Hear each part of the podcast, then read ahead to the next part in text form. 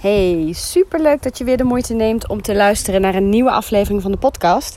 En vandaag vanuit een zonovergoten Frankrijk. Als je me misschien gevolgd hebt op Instagram, dan kun je zien dat wij er een weekje tussenuit zijn. En ik zit, as we speak, met de beentjes in de zon, uitkijkend over een prachtige um, vallei en daarachter de bergen. Um, waar wij natuurlijk ook uh, heerlijk sportief bezig zijn. Uh, mijn man heeft vanochtend de Mont Ventoux opgefietst. Nou, dat ging niet vanzelf, gaf hij aan. Met als reden, het is nog vroeg in het seizoen is natuurlijk helemaal waar, schat. Maar hoe je het ook went of keert, die Mont Ventoux blijft een, uh, nou, uh, sorry voor mijn woordkeuze, een motherfucker.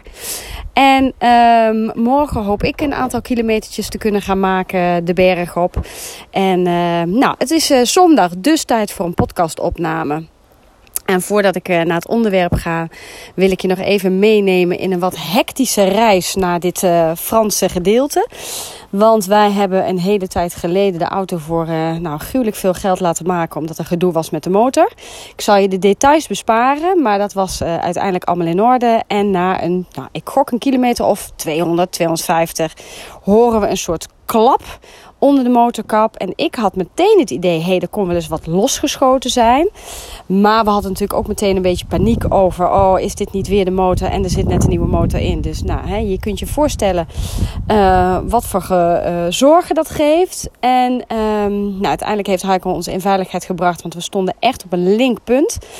En in het dorpje hebben we de ANWB gebeld. En er kwam een heel aardig um, Franstalig sprekend mannetje. Die heeft gekeken. En het bleek, godzijdank, alleen een losgesloten, uh, losgeschoten slang te zijn, moet ik zeggen.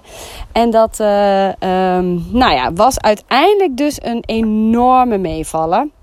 Dus nadat deze aardige meneer deze slang weer vast heeft gezet, konden wij uh, weer en route. En zijn we naar onze eerste stop gegaan. We wilden vooral heel chill deze kant op rijden. En uh, niet met heel veel tijdsdruk. En uh, weten dat je bijna 1100 kilometer achter elkaar moet, moet wegkachelen.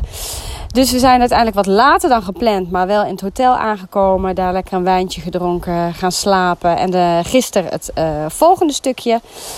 En ik moet zeggen, gistermiddag, hè, dan ben je hier een paar uurtjes. En wonderlijk hoe dat op vakantie werkt. Zo'n controlfreak als ik thuis ben. Zo'n ontzettende slons ben ik op vakantie.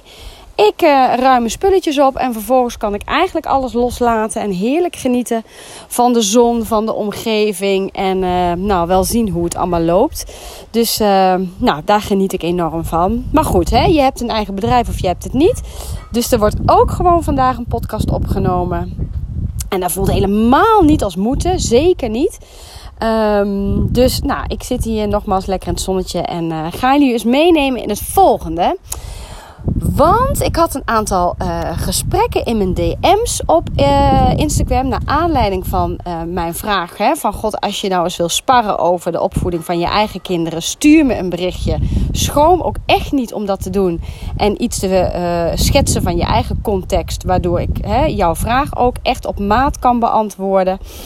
En een aantal um, nou, moeders en één vader overigens hadden wat vragen over het feit hoe je nou uh, bepaald gedrag wat je wil veranderen, hoe je dat het beste kunt aanpakken. En ik dacht, hey, het is leuk om daar een podcast over op te nemen en je daar een klein beetje in mee te nemen. En nogmaals, hè, het is altijd maatwerk. Het is nooit iets wat je um, nou één op één kunt plakken en kopiëren. Of kopiëren en plakken moet ik zeggen. Maar wel uh, een aantal uitgangspunten, die kun je natuurlijk wel uh, uh, gebruiken. Dus nou, heb jij nou ook een situatie in jouw eigen uh, thuissituatie hè, of op je werk die je graag zou willen veranderen rondom gedrag van een kind, dan ga ik proberen om je een beetje mee te nemen in waar je aan moet denken en wat je kunt doen om dat een succes te maken. Wat we heel vaak vergeten is dat kinderen natuurlijk van nature niet willen dat ze irritant, lastig, vervelend gevonden worden. Maar dat ze juist er heel erg op uit zijn om te horen van jou, hè, van, de, van de professional of van de ouder, dat het lieve, fijne, vriendelijke, gezellige, sociale kinderen zijn. En als het gaat om probleemgedrag of lastig gedrag, hè, dat klinkt iets milder, dan zijn we, uh, of laat ik het anders zeggen, dan trappen we soms in de valkuil om met z'n allen het heel veel te gaan hebben over dat gedrag. Maar we vergeten daarin de kinderen te vragen hoeveel last zij van het gedrag hebben. Of dat zij de wens hebben om bijvoorbeeld dingen te veranderen. En een mooi voorbeeld daarvan vond ik dat ik op een gegeven moment op een school was. Bij een kind die heel snel afgeleid was, heel druk was. Um, nou, eigenlijk nauwelijks tot werken kwam. En iedereen was gemobiliseerd om ervoor te zorgen dat dit gedrag zou stoppen. Dat dit zou veranderen, op zijn minst. Terwijl het kind zelf helemaal niet betrokken was in het proces daar rondomheen. En toen we dat wel gingen doen, kon in dit geval hij ons precies vertellen wat hij eigenlijk nodig had van zijn omgeving om zich beter te concentreren en minder snel afgeleid te zijn. En terwijl wij als volwassenen dan allerlei plannen uit de kast trekken, ideeën opperen, ons suf denken over hoe kunnen we dit beïnvloeden, kan het kind ons haarfijn vertellen wat hij nodig heeft. En in dit geval had dat zeker effect op um, nou ja, hoe de onrust verder zich uh, uitte. En ik zou je dus hè, op het moment dat jij met iets struggelt, uh, wat je graag zou willen beïnvloeden, neem je kind mee in het proces. Dus vraag het kind rondom uh, wat fijne momenten zijn, wat minder fijne momenten zijn, hoe dat kan, wat eventueel zou helpen. En luister dan ook in plaats van dat wij al bedenken dat kan niet, of dat kan die nog niet, of dat is te ingewikkeld. Maar juist heel erg vanuit de kracht van een kind gaan luisteren, kan echt maken dat het kind jou dingen vertelt die je zelf misschien nog helemaal niet bedacht had. Um, en uiteindelijk gaat het natuurlijk wel om hem of haar.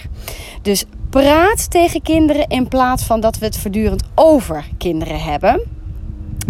En wat dan helpend kan zijn, is dat je uiteindelijk, um, nou ja, heel platgeslagen gezegd, gaat werken aan een doel.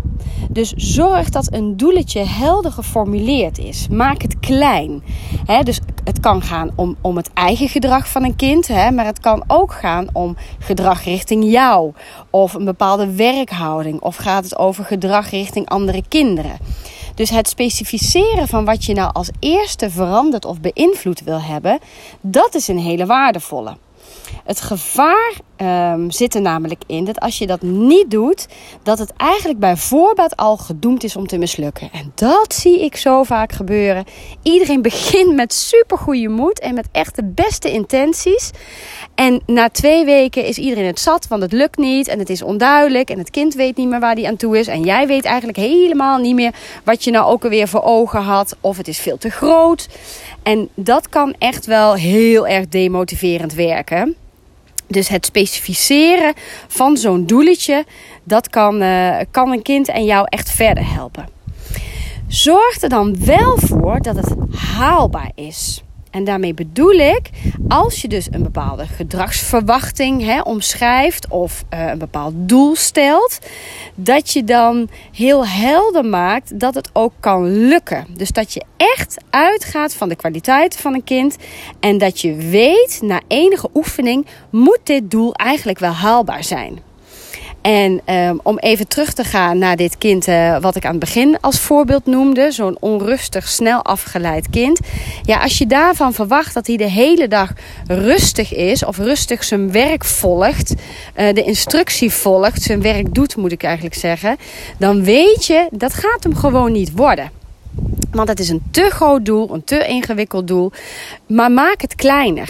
Dus zorg ervoor dat het haalbaar is. En zeg bijvoorbeeld, hè, we zorgen dat hij in ieder geval rondom het eten, dat hij dan aan tafel blijft zitten. En niet hè, met zijn eten in zijn hand rond gaat lopen. Of dat hij bij de rekeninstructie echt even de focus heeft. In plaats van dat hij uh, met zijn eigen werk aan de gang mag. Omdat je denkt, ja, het is toch niet haalbaar.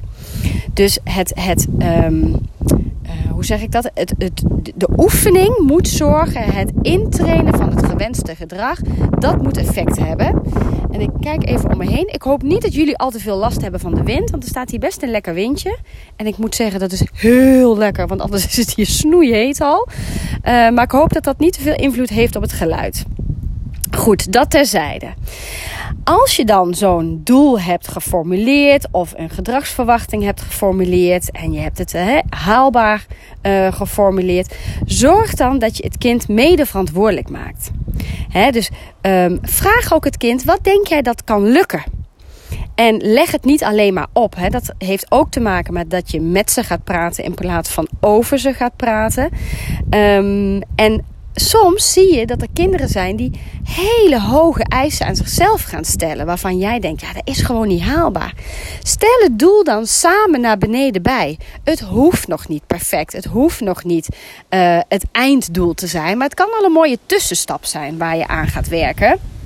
En dat kan echt wel helpen in uh, de verantwoordelijkheid voelen, maar vooral ook de verantwoordelijkheid delen, waardoor de kans op succes natuurlijk veel groter is. En dat, dat is wat je wil, hè? want dan raakt een kind echt intrinsiek gemotiveerd. Dan doet hij succeservaringen op. Dan heb jij ook het gevoel van hé, hey, we zijn echt ergens naartoe aan het werken. In plaats van na die hè, beruchte twee weken, iedereen laat het maar weer varen. En we zijn eigenlijk weer terug bij af. Want dat herken je wellicht ook wel. Nou, dat zorgen voor succes wat ik net benoemde, hè, dan kun je liever iets naar beneden, hè, een iets te lage eis of gedragsverwachting of een uh, te, te makkelijk doel stellen, waardoor het dus gaat lukken. En dat motiveren, um, dan ga je veranderen. En kijk maar eens naar hoe jij zelf omgaat met gedragsverandering. Uh, nou, een mooi voorbeeld is hè, bijvoorbeeld uh, meer willen sporten of uh, willen afvallen, gezonder willen leven, minder, de agenda minder vol willen hebben. Ook wij moeten succeservaringen opdoen om vervolgens te voelen: hey, het lukt, het kan wat ik wil. Het is me deze week gelukt om twee keer te sporten in plaats van niet. Of het is me gelukt om deze week wat minder te snoepen in plaats van helemaal Want dat helemaal niet, dat maakt het alweer zo ingewikkeld dat een klein foutje al meteen kan zorgen dat een kind denkt: ja, laat maar zitten. Of dat jij denkt: laat maar zitten. En dat laat maar zitten, nou, dat is een houding waarvan we weten dat gaat niemand een stapje verder helpen. Jou niet, het kind niet. En dat is echt eeuwig zonde. Dus um, dat, dat die succeservaring, hè, dus liever iets te laag zodat het lukt en dat het ook niet te moeilijk is om het te behalen, dat werkt motiverend en dan kun je eventueel weer een stapje erbij doen. En uh, nou ja, momenten van, van inzet erkennen. Hè, dus laten zien dat je, uh, of laten merken aan je kind dat je ziet dat hij of zij echt zijn best doet.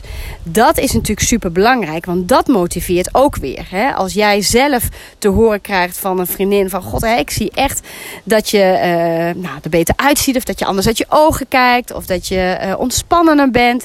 Ja, dat motiveert om door te zetten. En dat is bij kinderen echt niet anders. Het zijn net mensen, je zou het niet zeggen. Is een beetje flauw natuurlijk. Maar um, dat is wel wat ik in de praktijk vaak zie. Is dat het een soort. Die kinderen moeten een soort uberprestaties leveren als het gaat over hun gedrag. Terwijl um, daarmee zeg ik niet dat wat wij willen niet haalbaar is. Zeker niet. Maar doe het in stapjes. Dus splits het op. Maak het klein. Zodat de kans op succes zo groot mogelijk is. En dat, dat die inzet erkennen. Die momenten van inzet erkennen. Dat motiveert natuurlijk enorm. Um, en ik denk hè, als je dit gaat doen. Dan. Um, is de kans op succes eigenlijk gewoon het grootst. En denk ook eerst even rustig na over welk stukje gedrag zou je nou willen beïnvloeden. mijn kind luistert nooit, of mijn kind uh, is altijd druk, of mijn kind heeft altijd driftbuien. Daar, zijn geen doelen op te formuleren. Dat is zo breed uh, en waarschijnlijk ook niet waar. Laten we heel eerlijk zijn, want een kind heeft niet altijd driftbuien en een kind uh, luistert ook niet nooit. Um, dus maak het kleiner en ga zoeken naar welk moment van de dag heb jij of het kind er bijvoorbeeld het meeste last van en welk moment kun je dan gaan kiezen om daar als eerste mee te gaan oefenen. Nou, dan zijn er natuurlijk, hè, als je dit doet, ook een aantal valkuilen. En um, nou, daar wil ik je ook nog even een klein stukje over vertellen. Ehm, want op het moment dat jij niet echt een plan hebt, maar je wil wel dat gedrag verandert, maar je maakt dus niet concreet, niet specifiek wat je dan veranderd wil zien, dan zie je vaak dat problemen of zorgen niet echt verholpen worden. Hè? Dan blijft het een beetje pappen en nat houden. Oeh, de wind. Ik hoop dat jij daar geen last van hebt. Ehm, en dat pappen en nat houden is eigenlijk voor alle um, betrokkenen enorm demotiverend. En dan ga je soebatten. En dan blijft het een beetje, hè, soms goede dagen, soms minder goede dagen. Omdat je niet gefocust, niet gericht met een plan een bepaald iets wil aanpakken. Dus uh, nou, dat is een punt waarvan ik denk, die zou je in ieder geval even voor jezelf scherp moeten hebben van hey, hoe ga ik daar nou mee om? En hoe kan ik ervoor zorgen dat ik wel een plan heb of dat ik wel weet wat en waarom ik iets bepaalds veranderd wil zien. Nou, waar ik net al een klein beetje op hintte, is te grote stappen willen maken. Uh, waardoor eigenlijk iedereen al heel snel de motivatie verliest. En waardoor er ook geen succeservaringen uh, opgedaan worden. Dus liever kleine stapjes en steeds succeservaringen dan grote stappen, waardoor er eigenlijk niks behaald wordt. En grote stappen uh, maken we al snel, zou ik willen zeggen. Dus wees kritisch naar jezelf. Wat wil ik veranderd zien? Hè? Nogmaals, wat wil je veranderd zien? En ga het dan klein maken. Wat ook een uh, is die ik regelmatig zie, is dat je te veel dingen tegelijk wil aanpakken. Dus je wil en rondom het avondritueel, je wil rondom het eten, je wil rondom het slapen, je wil rondom samenspelen met andere kinderen, je wil rondom taak-werkhouding. Dus op verschillende vlakken wil je dingen veranderen. En uh, nou, we weten allemaal hoe gedragsverandering werkt. Kleine stapjes gerichte stapjes. Want anders ga je het niet volhouden. En het kind gaat het niet waar kunnen maken. Dus die gaat echt niet waar kunnen maken wat jij wil. Maar voor jou is het ook heel moeilijk om uh, te blijven coachen en te blijven begeleiden op datgene wat je wil veranderen. Dus te veel dingen tegelijk, dat werkt vaak averechts. Liever iets kleins. En als je ziet dat daar verandering in begint te komen, dat je er dan iets bij pakt, dat je het uitbreidt, dat kan altijd, maar niet te veel dingen tegelijk. En de laatste die ik je heel graag zou willen meegeven is dat je um, te snel van plan wisselt. En uh, nou, bij beloningssystemen is dat bijvoorbeeld hè, een mooi voorbeeld. Dat je zegt, nou, hè, je hebt een beloningssysteem bedacht. Een kind kan stickers verdienen. En met zoveel stickers kan die een uitje verdienen. Of hij kan krullen of sterretjes inkleuren. Uh, verdienen en inkleuren. En daarna ga je iets gezelligs doen. Um, als je dat te snel wisselt dan zie je ook dat er eigenlijk iets averechts optreedt, namelijk dat de motivatie verdwijnt. Het moet echt belangrijk gemaakt worden, zo'n uh, beloningssysteem. En pas dan merk je dat het effect gaat hebben, omdat jij het groot maakt en ga je te snel wisselen, dan voelt een kind heel snel dat het eigenlijk niet zo belangrijk is wat jullie met elkaar aan het doen zijn. Of dat er toch niet voldoende of niet echt voldoende waarde aan gehecht wordt. En ook dat werkt dan weer heel demotiverend. Um, en weet dat wil je een beloningssysteem uh, goed uitvoeren. Het is trouwens misschien nog wel interessant. Ja, dat zeg ik heel vaak in een podcast. Hè, om daar een nieuwe podcast weer over op te nemen. Want ook beloningssystemen, ja, daar kun je gewoon uh, heel veel dingen in goed doen. Maar je kunt er ook heel veel dingen in nou, minder handig doen. Waardoor het echt niet het effect heeft wat je graag zou willen. En dat is echt heel zonde. Maar laat ik er dit in ieder geval nu over zeggen. Um, één en hetzelfde beloningssysteem voor een bepaald stukje gedrag moet je minimaal, minimaal drie weken doen, wil je effect gaan zien. En wat we vaak doen is dat we na een paar dagen al effect willen zien, maar na anderhalf, hoger twee weken moet het eigenlijk wel veranderd zijn. En dat is te kort voor gedragsverandering. En daarom zeg ik hem minimaal drie weken, ik hamer erop, om enig effect te kunnen zien. En dan hangt het ook nog af van je kind. Hè. Heb je een kind die gedragsverandering snel oppikt? Of heb je een kind die daar wat langer voor nodig heeft? Hè? En zet jij het beloningssysteem heel consequent en frequent in? Of laat je het af en toe ook een beetje gaan, waardoor het zijn kracht mogelijk ook wat verliest, waardoor je langer dan drie weken nodig hebt? Dus nou, al dit soort dingen hebben natuurlijk invloed op ehm, hoe snel je lastig gedrag, probleemgedrag kunt gaan beïnvloeden. Maar het is wel, en dat vind ik altijd zo fijn om iedere keer ook op het moment dat ik in situaties kom waarin ik denk: oh, waar begin ik? En dat kan werkgerelateerd zijn, maar dat kan ook privé zijn. Die situaties kennen we allemaal. Is dat gedrag is altijd te, beïnvloeden. Het is nooit een hopeloze zaak. En ehm, ja, soms vraagt het een lange adem, zeker waar. Maar het kan wel. Maar de, de, de kracht en de snelheid waarmee gedrag verandert, zit hem wel in wat jij ook doet daarin. En hoe um, stellig, consequent, duidelijk, uh, um, nou, aangesloten bij het kind jij het plan neerlegt.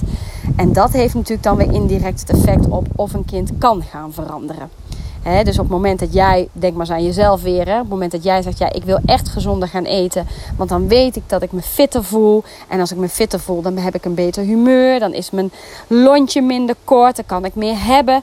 Maar vervolgens ehm, haal je alleen maar, nou even heel gechargeerd gezegd, hè, maar haal je alleen maar ongezonde voeding in huis of uh, doet je partner alleen maar boodschap met ongezonde voeding, ja, dan wordt het heel ingewikkeld voor jou. En op het moment dat jouw partner jou steunt door hè, voldoende fruit, groenten, nou, noem maar op, wat jij onder gezonde voeding verstaat, in huis haalt, wordt het automatisch natuurlijk veel makkelijker om zo'n gedragsverandering teweeg te brengen. Want dan liggen er minder verleidingen. En zo is het met gedrag van kinderen natuurlijk net zo. Dus nou, ik hoop dat je er uh, wat aan hebt en dat je voor jezelf even na kunt gaan van hé, hey, wat van wat ze me nu allemaal verteld heeft, um, is voor mij waardevol om even kritisch onder de loep te nemen. En waar kan ik misschien nog fine-tunen in mijn eigen gedrag als professional, in mijn eigen gedrag als ouder, om ervoor te zorgen dat ik, dat ik het kind verder help in die gedragsverandering en in het laten zien van meer positief gedrag, gewenst gedrag en minder ongewenst gedrag. Nou, um, ik ga afsluiten, want de wind trekt hier nog wat harder aan. En ik hoop dus dat je er niet al te veel last van hebt gehad. En ik luister zelf heel vaak een podcast van Kim Munnekom. Zij uh, is een uh, master in manifesteren. En in het begin dacht ik, wat een zweverig gedoe. Maar uiteindelijk is het helemaal niet zweverig. En uh, vind ik het ontzettend boeiende materie. En uh, wat ik wel grappig vind, is zij is heel groot. Ze heeft een enorme grote podcast met heel veel luisteraars. Een, een enorm mooi en bloeiend bedrijf ook. En uh, zij neemt te pas en te onpas. Ze zit in bad. Ze loopt al wandelend, loopt ze rond, neemt zij podcast op. En het geluid is dramatisch, maar iedereen slikt het. Dus dat vind ik ook altijd wel grappig. Dus van mij nu één podcast met wat achtergrondgeluiden. Ik hoop dat je de vogeltjes hebt gehoord. Uh, en dat je niet te veel last hebt gehad van de wind. Maar misschien valt het wel heel erg mee en maak ik me nu weer druk om niks. En weet je, het hoeft niet altijd perfect hè.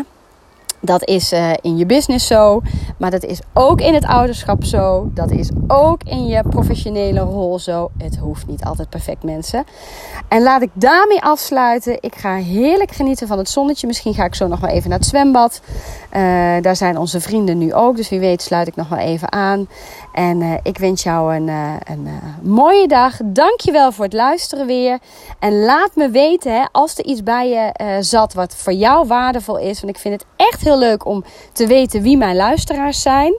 Uh, want dat weet ik natuurlijk niet. Ik zie statistieken, maar dat zijn harde cijfertjes. Ik heb geen idee wie er dan precies luisteren.